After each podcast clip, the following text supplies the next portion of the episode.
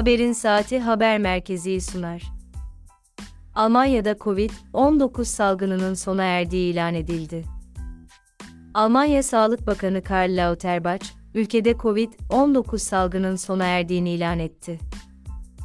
Almanya'da Covid-19 salgını sona erdi.